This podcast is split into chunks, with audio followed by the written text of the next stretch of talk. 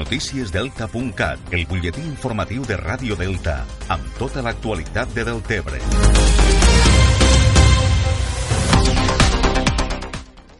L'Ajuntament de Deltebre celebra esta tarda dos plens municipals, un primer d'extraordinari a les set i mitja i tot seguit el ple ordinari del mes de juliol. El primer ple es dedicarà a aprovar totes les qüestions organitzatives del mandat.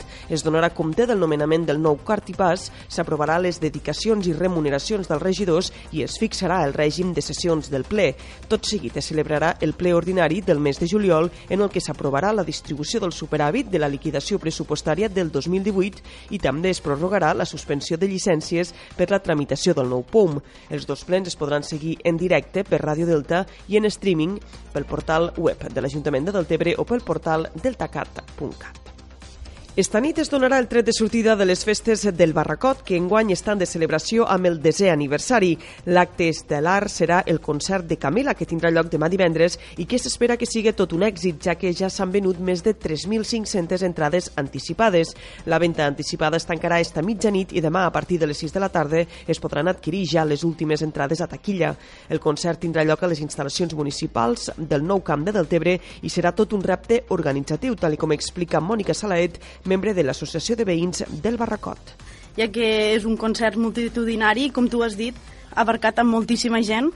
Són unes 3.500 entrades aproximadament les que s'han venut, entre físiques i online, i llavors, pues, claro, s'han de tindre moltes coses en compte pues, a l'hora d'accedir al que és el recinte i sobretot el civisme a l'hora del concert. El concert està previst per a les 11 de la nit, però s'obriran portes a partir de les 9 i s'habilitaran tres punts d'accés, dos per a les entrades físiques i una per a la venda online. Pel que fa a la jornada inaugural d'avui de les festes del Barracot, començaran amb un passacarrers de l'Espigador que recorrerà tot el barri i posteriorment tindrà lloc el pregó que anirà a càrrec del metge Jesús de Pérez i estarà presentat pel periodista Jordi Llompart. Una quinzena de restaurants i bars de Deltebre participaran durant este mes de juliol en les jornades gastronòmiques del Musclo que organitza l'Ajuntament de Deltebre amb la col·laboració de la Federació de Comerç i Turisme FECOTUR. Les jornades s'iniciaran este divendres 5 de juliol i s'allargaran fins al diumenge dia 21. El preu dels menús oscil·la entre els 20 i els 45 euros i els restaurants participants són Restaurant Nuri i Mas Nuri, Los Raconet de Fermín, Mas Prades, Sushi MC, Delta Hotel, Casa Nicanor, Hotel Rull, l'Embarcador 21, Les Dunes, Tasca Tres Cantons cantons, pizzeria La Tasqueta, restaurant Tramontano, restaurant Vistamar i restaurant Paca.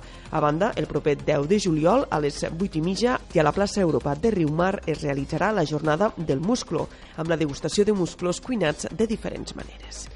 Dos alumnes de l'Institut de Deltebre, Marta Bertomeu i Ània Izquierdo, han estat les guanyadores de dos dels tres premis de recerca que convoca anualment el Consell Comarcal del Bagebre per promoure la investigació entre l'alumnat. L'alumna Marta Bertomeu Sancho ha guanyat el Premi Federico Pastor, emmarcat en l'àmbit humanístic, social i artístic amb l'elaboració d'un pla de màrqueting turístic del Delta de l'Ebre. L'autora proposa un servei d'acompanyament per a emprenedors i institucions i prioritza la qualitat del turisme a la quantitat. En esta categoria ha resultat també finalista una altra alumna de l'Institut de Deltebre, Gemma Maioles, amb un treball sobre la projecció internacional del Festival Deltebre Dansa. Pel que fa al Premi Innocent Paulí, que distingeix el millor treball de recerca en l'àmbit tecnològic, ha estat per a Ania Izquierdo, de l'Institut de Deltebre, amb el treball Reconeixement Facial, aplicació de la visió artificial per computadora per mesurar marcadors biomètrics d'un rostre. És a dir, l'estudiant ha creat una aplicació informàtica que permet confeccionar una base de dades de rostres i reconèixer-los posteriorment introduint fotografies o vídeos. En esta 14a edició dels Premis de Recerca del Bagebre, que patrocina l'empresa Aqualia, s'han presentat un total de 10 treballs d'alumnes de diversos instituts de la comarca. I per acabar, afegint que esta setmana l'accés a la piscina municipal de l'AUBE és totalment gratuït. Així ho ha anunciat l'Ajuntament de Deltebre com a mesura per combatre les altes temperatures que s'estan registrant esta primera setmana de juliol. Això és tot el que us expliquem per ara. Més informació, com sempre, al portal deltacat.cat.